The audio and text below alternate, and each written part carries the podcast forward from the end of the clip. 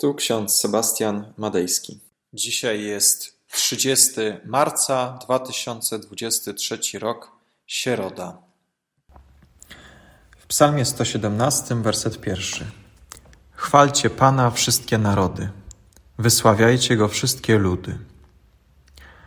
Oraz Dzieje Apostolskie, drugi rozdział, jedenasty werset. W dzień Zielonych Świąt ludzie mówili Słyszymy ich, jak w naszych językach głoszą wielkie dzieła Boże. Drodzy, dzisiejsze fragmenty z Pisma Świętego pokazują nam ponownie prawdę o tym, że możemy chwalić Boga niezależnie skąd pochodzimy, niezależnie w jakim języku mówimy, w jakim języku się komunikujemy. Chwalić Boga może każdy Zresztą e, w psalmie jest wezwanie do wszystkich narodów ziemi, aby chwaliły Boga, aby oddawały Bogu cześć. Od razu pojawia się w moim sercu pytanie: chwalenie Boga, oddawanie mu czci. Na czym to polega?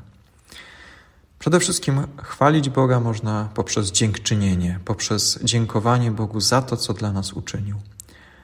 Każdy z nas, analizując swoje życie, może powiedzieć o momentach, o wzlotach, o upadkach, o momentach, w których Bóg nad nami czuwał, o momentach, w których Bóg e, nas podtrzymywał. Możemy dziękować Bogu za bardzo wiele.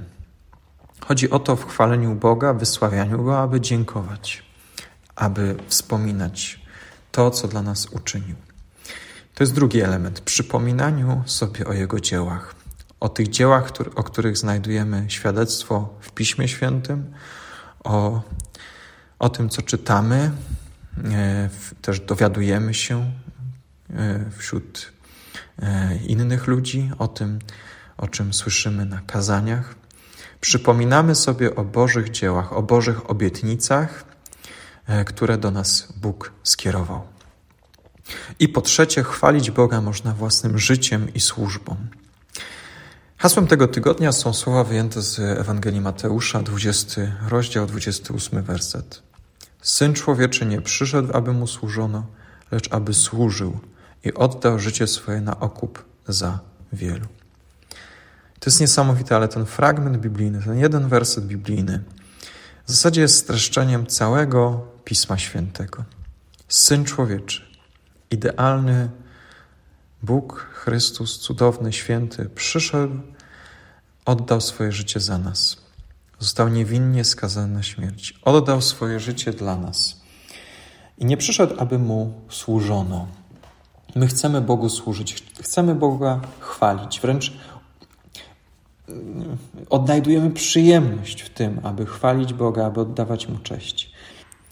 Tymczasem Syn Człowieczy przyszedł nie, aby Mu służono.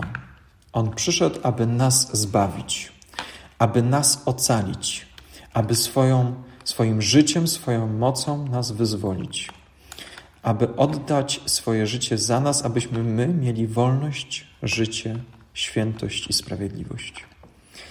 Nasze życie jest służbą, liturgią. I na przykład rozumienie ewangelickiego nabożeństwa na tym polega, że to Bóg służy nam. To Bóg nam służy. Nie my, ale Bóg nam służy poprzez swoje słowo, poprzez sakramenty, poprzez chrzest, wieczerzę pańską. E, to Bóg nam służy, daje nam świętość, usprawiedliwienie, a my mu przynosimy nasze grzechy w momencie e, do tego przeznaczonym, powołanym. Nasze życie jest liturgią w tym sensie też, że popatrzmy, co się dzieje. Na początku w liturgii często nic nie rozumiemy. Potem następuje moment kulminacyjny, kazanie, potem wieczerza pańska, aż w końcu moment rozesłania, pójścia do domu, do naszych codziennych spraw, do innej rzeczywistości. I na tym też polega ludzkie życie. Jesteśmy młodzi, niczego jeszcze nie pojmujemy, nie rozumiemy.